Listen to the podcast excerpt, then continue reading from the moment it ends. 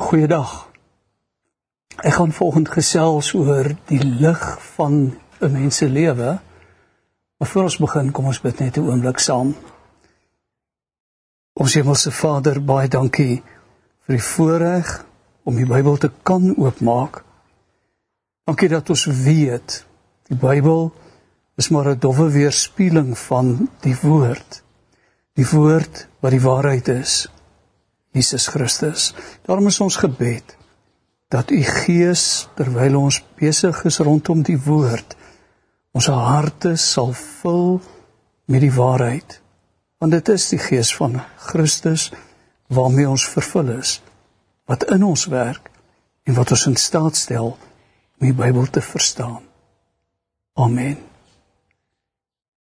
Ek gaan van dag vir jou lees uit Lukas 11 vers 33. As jy Bybel byderhand het, slaan gerus saam met my na Lukas 11 vers 33. Is 'n interessante skrifgedeelte omdat dit 'n um, 'n vreemderige beeld, 'n beeld wat vreemd aan die Bybel is, bevat. Kom ek lees dit vir jou. Iemand steek 'n lamp op en plaas dit dan in 'n versteekte hoekie of onder 'n maatemmer nie maar op 'n lampstander sodat die mense wat binnekom die lig kan sien. Onthou nou, is nou die lamp waar sit jy hom? Daar waar mense kan sien, daar waar mense beweeg. Vers 34 die oog is die lamp van die liggaam. As jou oog suiwer is, is jou hele liggaam ook verlig. Maar as dit boos is, is jou liggaam ook donker. Pas dus op dat die lig in jou nie duisternis is nie. As jou hele liggaam verlig is, daar nie 'n enkele donker plekkie is nie, sal dit heeltemal verlig wees. Soos wanneer 'n lamp jou met sy strale verlig. Nou, die vreemde in hierdie gedeelte in verband met 'n geloof in antieke tye dat party mense en ons het veral gedink aan aan vroue en en ander wat met die sogenaamd met die maan gepla was. Ons gaan 'n ander keer bietjie daaroor gesels dat hierdie mense 'n vermoë kan hê hulle te bose oog. As hulle vir jou kyk, rus daar 'n vloek op jou en jy moet 'n amulet, een of ander gelukbringer dra wat jou kan beskerm teen die bose oog. Ehm um, Jesus gebruik dan nou hierdie beeld van die bose oog, maar hy kom gee 'n nuwe betekenis daaraan. Ons gaan terugkom daarna. Nou die liggaam se lamp, dit waarmee jy sien, is die oog. Dis wat Jesus sê as jou oog goed is, dan is alles in jou lewe, selfs jou liggaam is verlig. Hierteenoor is daar mense van die duisternis en hulle maak doelbewus hulle oë toe hulle kyk die lig wat God in Jesus aangeskakel het mis want Jesus is die lig.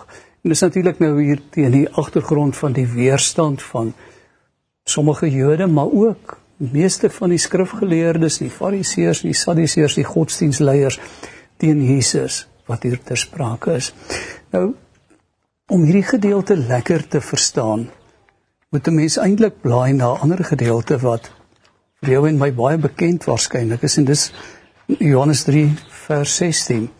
Johannes 3 vers 16 sê want so lief het God die wêreld gehad dat hy sy unieke seun gegee het sodat elkeen wat in hom glo nie verlore sal gaan nie maar ewige lewe sal hê.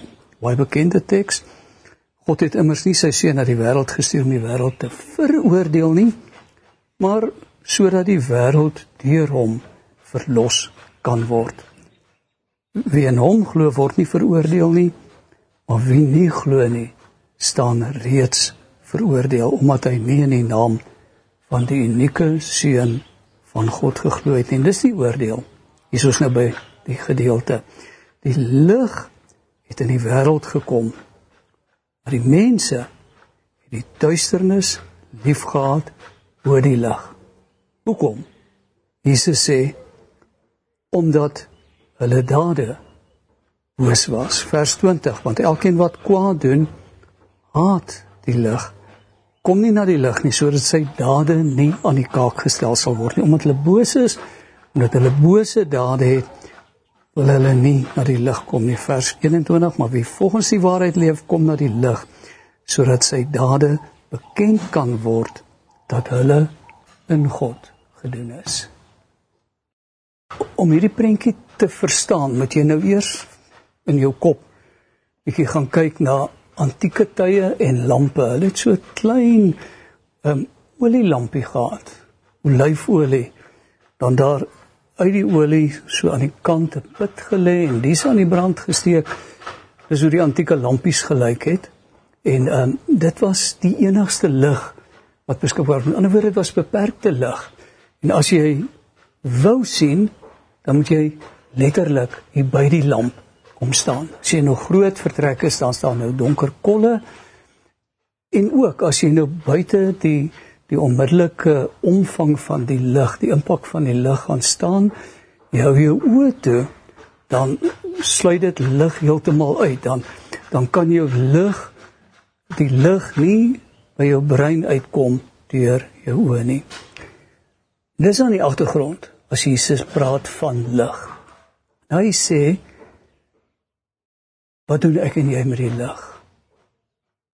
Waar staan ons in terme van ons verhouding met Jesus Christus? Tot watter mate is ons liggaam verlig? Die met goeie oë is die wat luister. Hulle steur hulle aan wat Jesus sê. Die met bose oë is die wat hom verwerp. En jy sien nou die nuwe betekenis wat Jesus gee aan hierdie antieke geloof dat iemand met 'n bose oog kan kyk. Jesus sê 'n bose oog is eintlik omdat jy God in jou lewe miskyk. En daarom mis jy die hele doel van jou lewe. As jy Jesus verwerp en voortploeter met sonde in jou lewe, ten spyte daarvan dat jy waarneem dat sonde uiteraard verwoes. Eers jouself maar ook die mense om jou en selfs die wêreld om jou. Mens met die bose oog het regtig vermoë om 'n vloek op ander te bring. Deur die sonde wat hulle doen, dra hulle verwoesting in ander se lewe in. Daarom as jou oë boos is, dan beïnvloed dit die hele wêreld waarin jy leef. Maar hierteenoor, 'n oog wat goed is, is 'n oog wat gesond is. Wat helder kan sien. Dis 'n oog wat gefokus kan kyk, wat op 'n teiken gerig kan wees en daardie teiken kan sien vir wat dit is. Sulke oë loop agter Jesus aan. Hulle volg hom. Hulle absorbeer vanuit hom die volmaakte lig van die waarheid en dis die wonderlike nuus dan reflekteer ek en jy daardie lig na ander mense. Jou lewe word dan gekenmerk deur bedagsaamheid, deur integriteit, deur eerbaarheid, deur omgee vir ander mense, deur diens, want jy loop agter Jesus aan en sy lewe is gevul met liefde vir ander mense. Hy lei jou op die pad waarlangs hy geloop het terwyl hy op aarde was en soos hy word jy die lig vir ander mense om hulle lewe positief te beïnvloed. Jou lewe dra getuienis uit. Jy hoef nie regtig 'n woord te sê nie. Kyk wat sê Matteus 5. Matteus 5 bespreek hierdie selfde gedeelte in vers 14. Soos Matteus se weergawe, julle is die lig vir die wêreld. Stad wat op 'n berg lê, kan nie weggesteek word nie. 'n Mens steek ook nie 'n lamp op en sit dit onder 'n maatemmer nie. Onthou nou, Lukas het gesê jy moet dit nie in jou kelder sit nie.